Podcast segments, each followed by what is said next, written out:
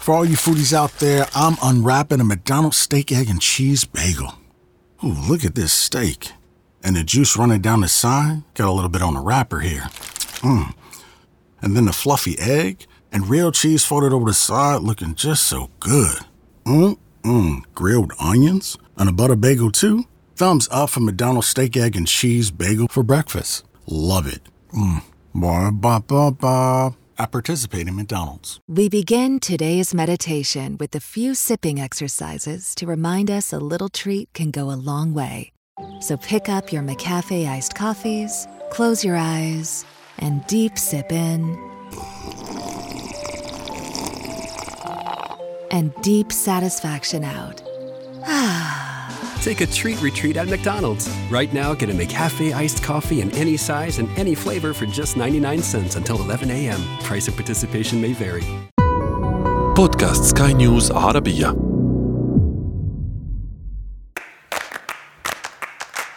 سؤال حر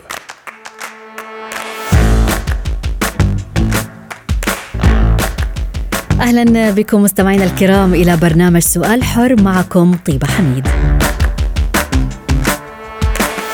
نسأل لنطلب المعرفة ونسأل لنناقش الفكرة وقد يدفعنا السؤال إلى التفكير بطريقة صحيحة ولكي تكون مساحة النقاش مفروضة أمامكم مستمعينا الكرام نطرح سؤالا حرا ونشارككم الإجابة عنه مع المختصين والخبراء. مهما كبر البعض منا ومر بتجارب عديدة في الحياة يبقى هناك جزء ما في داخله يحن إلى الماضي أو إلى اللحظات السعيدة التي لا تعوض. البعض منا قد يذهب لاقتناء كل ما هو قديم أو كل ما قد يرتبط بفكرة ما ترجعه إلى ذكرياته القديمة. وذلك لأن البعض ببساطة يجد أن الاحتفاظ بكل ما هو قديم أو شراء بعض الأغراض التي صنعها المصممون في يومنا هذا ولكن بطابع قديم يجدون أنها تعبر عن ذكرياتهم القديمة وتصلهم مع الماضي وأيامه الجميلة انطلاقا من هنا طرحنا السؤال التالي على مواقع التواصل الاجتماعي لسكاي نيوز عربية فيسبوك تويتر إنستغرام هل تفضل اقتناء الأغراض المرتبطة بذكريات الماضي؟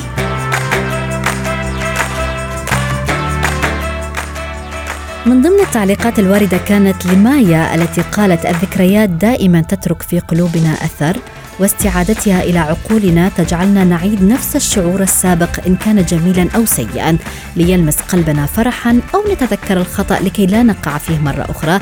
لذلك وجود الذكريات في حياتنا ضروري جدا. محمد ميلان علق وقال حين يأخذني الحنين إلى الوراء لا أعلم هل أبتسم لأن الذكريات جميلة أم أبكي لأن الماضي لن يعود. أما أحمد فقد علق وقال أنا من الأشخاص المولعين بالماضي وأحب الاحتفاظ منذ الصغر بكل أغراضي واليوم أنا دائما ما أبحث في المحلات عن الأغراض المستوحاة من روح الماضي وروح العادات والتقاليد. ريتا أيضا قالت أي غرض أو سلعة تعني لي ذكرى معينة تربطني بالماضي أو بالطفولة أحرص دائما على شرائها لأن رؤيتها في بيتي تجعلني أشعر بالسعادة.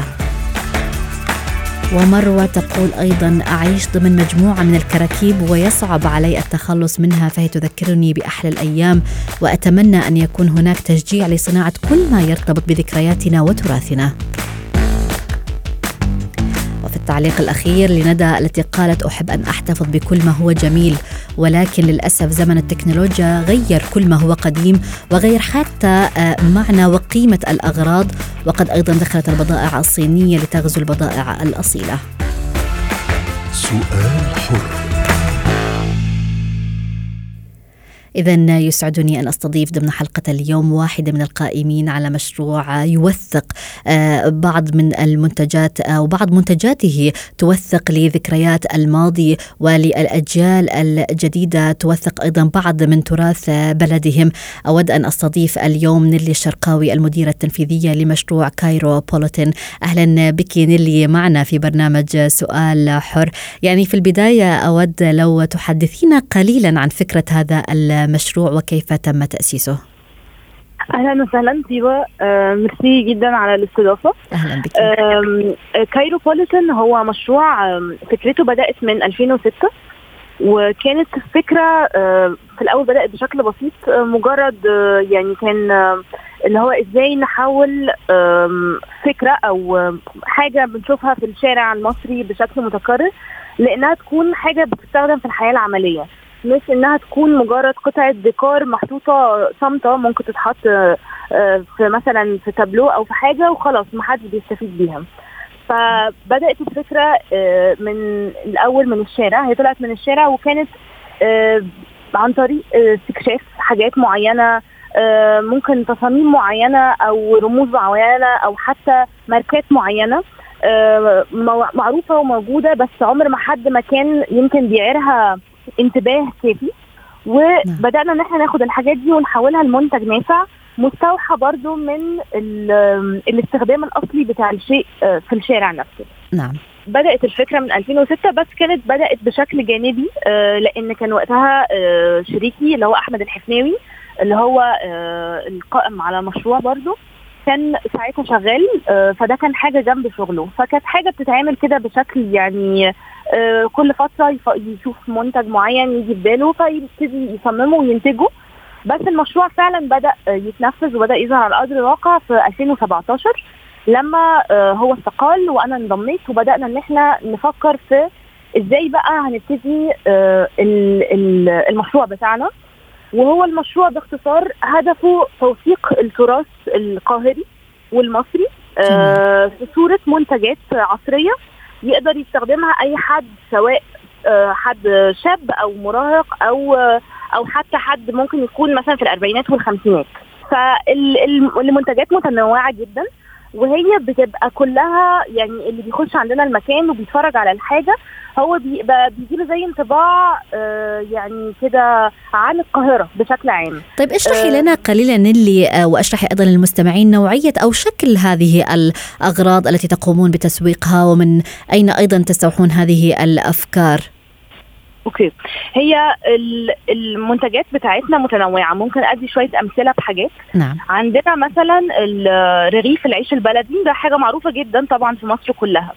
إحنا آه لقينا إنه رغيف العيش البلدي في العادي هو ساندويتش بيتحط جواه أكل. فبدأنا إن إحنا نستخدم نفس ال- الاستخدام ده بس حولناه لمقلمة بيتحط جواها إقلام. فده جميل. واحد من المنتجات. منتج تاني مثلا عندنا القلة القلة الحمراء والقلة البيضاء الحمراء اللي هي القلة اللي بيتشرب فيها مية ساقعة والبيضاء دي اللي بيتحط فيها ترمس. آم، القلل دي معروفة بحجم معين. إحنا بدأنا عملناها بحجم مصغر جدا وحولناها لملاحات بحيث إن هي تكون برضو يعني ليها وجود في البيت دلوقتي. لأنه القلل خلاص الناس يا إما بطلت تستخدمها يا إما اللي بيستخدموها ممكن يكون في الريف. إنما في المدينة ما حدش بقى بي- بيشرب من القلة خلاص. ففكرنا إزاي نخلي القلة تاني ترجع للبيوت بس بشكل عصري يناسب ال- الاستخدام بتاع العصر اللي إحنا فيه. جميل. إحدى المشاركات قد علقت وقالت نحن نفتقد لكل ما هو أصيل وذلك لأن المنتجات الصينية قد غزت السوق بغزارة. يعني من واقع خبرتك نيلي هل اليوم المنتج الصيني أصبح بالفعل يهدد المنتج المحلي وخاصة هذه المنتجات التي توثق للتراث المحلي؟ آه طبعا. ودي دي كانت من الحاجات ال- اللي من هدفنا الأساسي في المشروع إن إحنا نحاربها شوية. وهي إنه كل المنتجات اللي إحنا بنعملها ممكن تكون مستوحاة من حرف اندثرت بطلوا الناس يعملوها. فزي الحرف مثلا بتاعة صناعة المقشات. دي. حرفة خلاص انتهت المقشات بقت دلوقتي بتتعمل في الصين وبتيجي تتباع في السوبر ماركت. بس مقش الرز والمنفضة والحاجات دي كلها خلاص بطلت تتعمل. فاللي إحنا كنا بنحاول نعمله إن إحنا بنروح لنفس الورش دي وبنخليهم يعملوا نفس الصنعة بتاعتهم اللي هم متعودين عليها بس في أحجام مختلفة. وده من الحاجات اللي كانت بتشجع ورش كتير جدا مصرية التعامل معانا لأنه عادة الورش بتبقى صنعة بقاله ممكن سنين بيشتغلها وما بيبقاش عنده أي استعداد إن هو يطور فيها أو يعمل فيها حاجة جديدة. فكان ال ال الكويس اللي إحنا بنعمله إن إحنا مش بنخليه يغير أي حاجة في اللي هو متعود عليها غير مجرد الحجم بس نفس الخامات نفس التكنيك نفس كل حاجة. فإحنا بالفعل بنشتغل ممكن يكون مع أكتر من 20 ورشة كل واحدة بحرفه مختلفة عن الثانية وكل واحدة بقينا تحولنا لمصدر دخل ثابت بالنسبة لهم لأن هم بقوا من يا إما الورشة بتشتغل بشكل كده موسمي لأن إحنا بقينا من بينهم شغل شهريا عدد معين من المنتجات بيعملوها وبيدوها لنا. وبالفعل يعني بذلك هو تشجيع أيضا للصناعة ال- المحلية. بالظبط بالظبط. والحاجة دي لاحظنا كمان إن جزء كبير جدا من الورش اللي إحنا بنتعامل معاها بدأ يبقى عندهم آه، يعني حب جدا للشيء اللي هم بيعملوه فخر بالمنتج الأخير فبدأوا حتى يطلعوا أفكار. وفيها وبالفعل نفذنا أفكار كتير آه، صحاب الورش نفسهم وصحاب الحرف هم اللي كانوا مطلعينها. فالموضوع حلاوته هو إن الناس كلها بتبقى فاهماه وحاساه وقادرة كمان إن هي تطلع تصاميم والناس كلها تفهمها. ما هي هذه الأفكار التي اقترحوها عليكم؟ من ضمن الأفكار كان في حد إحنا بنعمل معاه الكرسي بتاع القهوة مستخدمينه ككوستر هولدر. نعم. فهو اقترح هو بيشتغل بالبامبو فاقترح علينا إن هو يعمل لنا منفضة المنفضة بتاعت السجاجيد الصغيرة. فبدأنا فعلا نشتغل معاه ونرسم له التصميم ونبتدي نشتغل على الحجم السليم بحيث إن هو يناسب إن هو يكون في الآخر كي تشين يعني علقة مفاتيح. جميل. آه، فده من ضمن الحاجات. من ضمن الحاجات التانية كان في مثلا في ورشة الفخار إحنا كنا بنعمل القلل فحد منهم اقترح علينا إن إحنا ليه ما نعملش برضو الزير الزير الصغير يبقى ملاحة. نعم. فكله بدأ يفهم شوية طريقة التفكير بتاعتنا ويبتدي يقترح منتجات على نفس النهج. جميل. طيب نيلي لو تحدثنا قليلا عن العقبات التي واجهتموها في هذا المشروع. آه، العقبات بصراحة متنوعة ولسه لغاية دلوقتي بنعاني منها. بس من العقبات الأساسية هو إن إحنا بنشتغل مع آه، حرف كتير جدا. وبالتالي آه، ده بيكون صعب. أغلب الناس لما حد بيفتح مشروع بيبقى متخصص مثلا في حاجة معينة حد متخصص في الأقمشة حد متخصص في الحديد. يعني بيبقى تخصصات ومنها بيطلع منتجات مختلفة.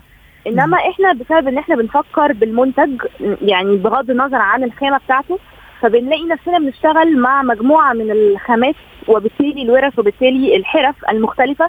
الكتير جدا. فممكن يكون في نفس الشهر عندنا مثلا آه 20 منتج كل واحد بيتعمل في ورشة بخامات وتكنيك مختلف تماما عن الثاني إذا أشكرك جزيل الشكر نيلي الشرقاوي المدير التنفيذي لمشروع كايرو بوليتن على جميع هذه التفاصيل.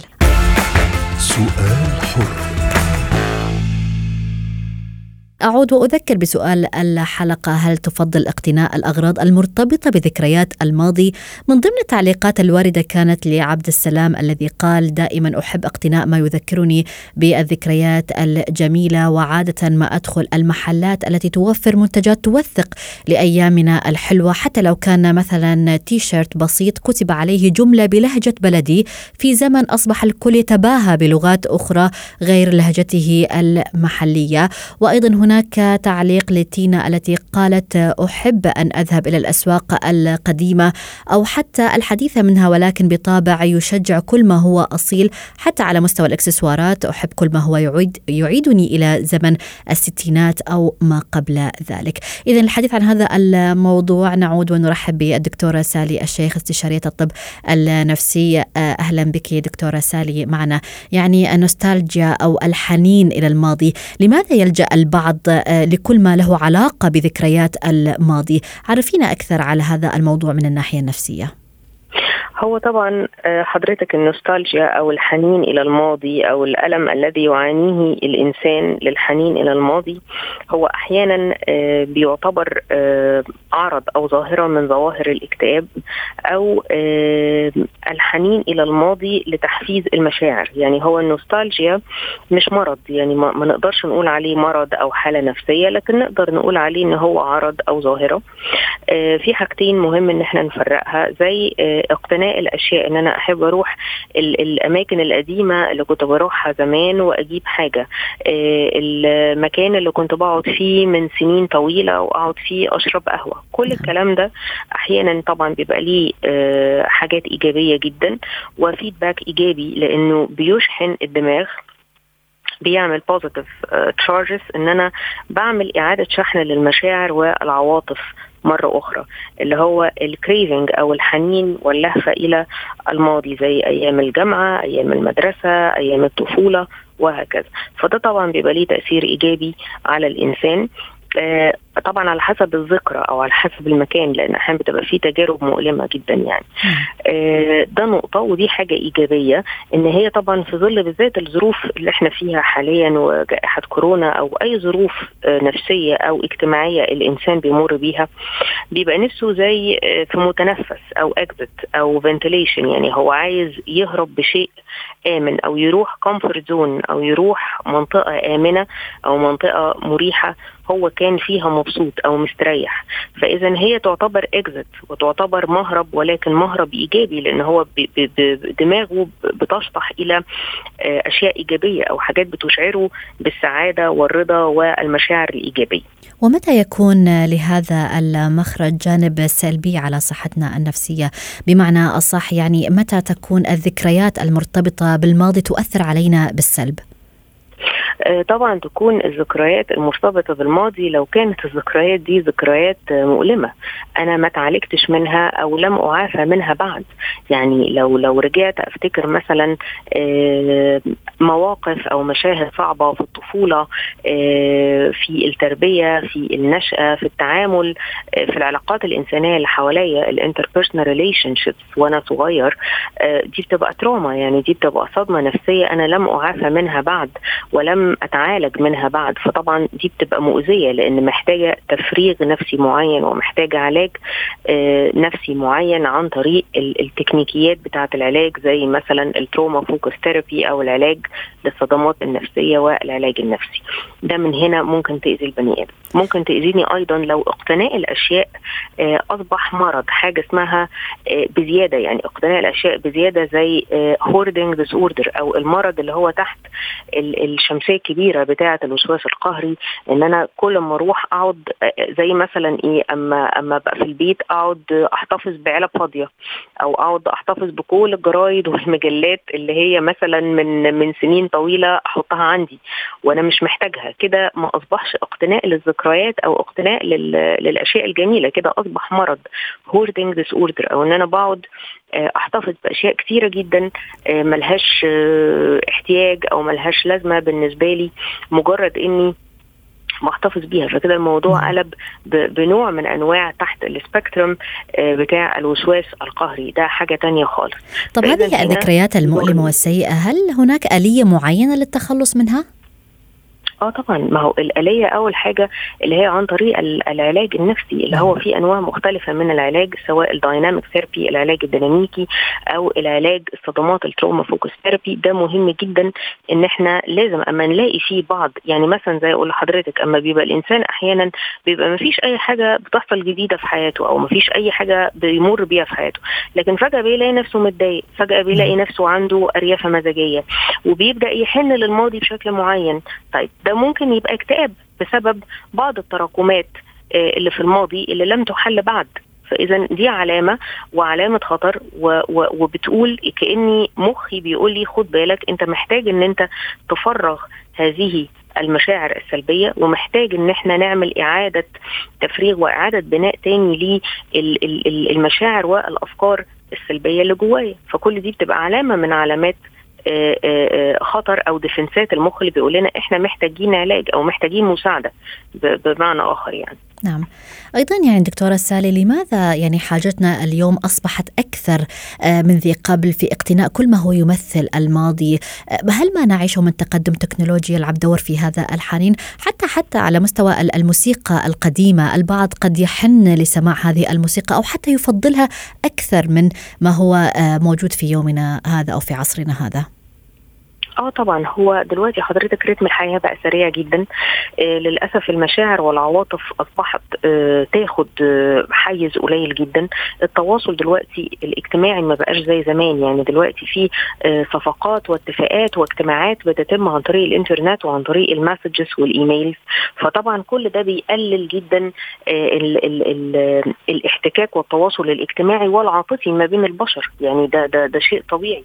فاذا بالنسبة للإنسان إن يعني بيحن جدا ليه آه، مثلا صديق من الجامعة أو صديق من الطفولة أو لأنه زمان الحياة ما كانتش كده ما كانش فيه هذا الكم من الانفتاح آه، التكنولوجي اللي موجود. فطبعا ده كان بيعزز العلاقات الإنسانية أكتر وبيعزز المشاعر ما بين الناس أكتر. فشيء طبيعي جدا إنه البني آدم ممكن يحن للماضي من كتر إن رتم الحياة ما كانش سريع لهذه الدرجة. يعني دلوقتي كل حاجة سريعة وكل حاجة بسرعة حضرتك بتخلصي ميعاد بتدخلي في ميعاد. الريتم نفسه بقى سريع والتكنولوجيا وال وال stressors برضه يعني الضغوطات النفسية طبعا كل ما التقدم العلمي بيزيد كل طبعا ما بقى فيه ضغوط نفسية كتيرة جدا لأنه أصبح سبق يعني أصبح competition تنافس إنه مين يوصل الأول قبل مين يحقق إيه. فطبعا كل ده بيعمل stress على على الإنسان يعني. طيب كيف تتفاعل هذه الذكريات التي نحتفظ بها مع مواقفنا ومفاهيمنا حتى أيضا نظرتنا للحياة؟ كيف ممكن أن تلعب دور في هذا الموضوع؟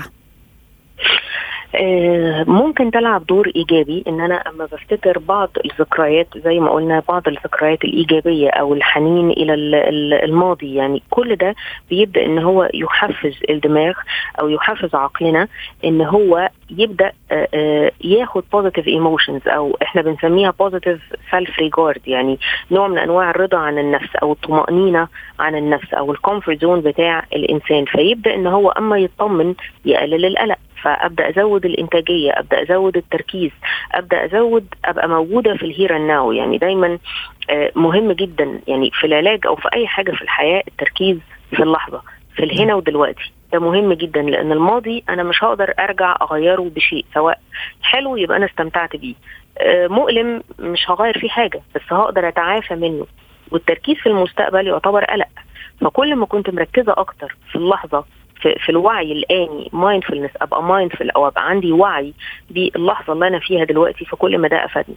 ولكن الحنين إلى الماضي أحيانا بيعمل refresh لبعض المشاعر الإيجابية اللي فعلا الإنسان بيبقى محتاجها.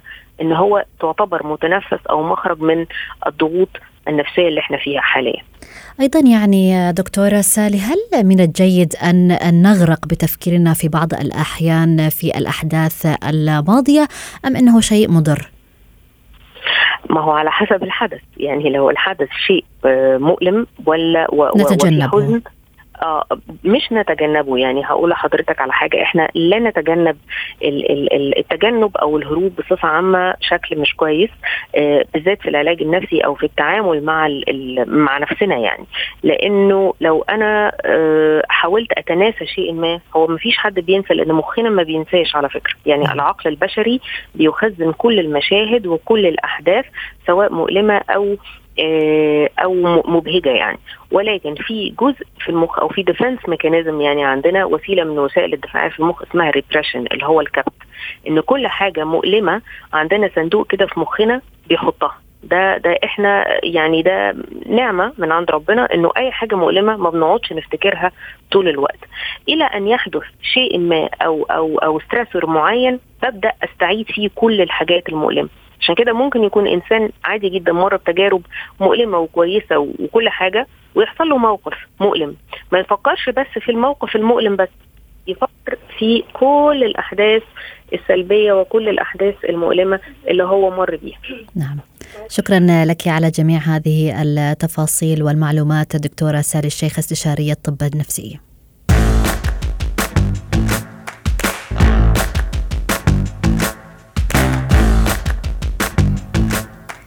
إلى هنا نصل وإياكم مستمعينا الكرام إلى نهاية برنامج سؤال حر.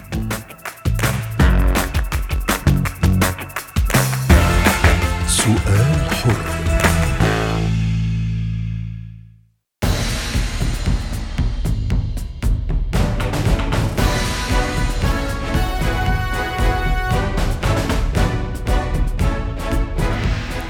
وبختام برنامج سؤال حر أصل وإياكم مستمعينا الكرام إلى ختام هذه In Jacksonville, you'll get more of what you want out of a Florida vacation and less of what you don't. For less lines and more unwind, come stroll down our 22 miles of white sand beaches. Here, it's less hectic and more eclectic with our weekly arts markets and vibrant outdoor mural scene. And with fresh local seafood, farm to table restaurants, and more than 20 local craft breweries on the Jack's Ale Trail, you'll be saying less meh and more mmm. Jacksonville.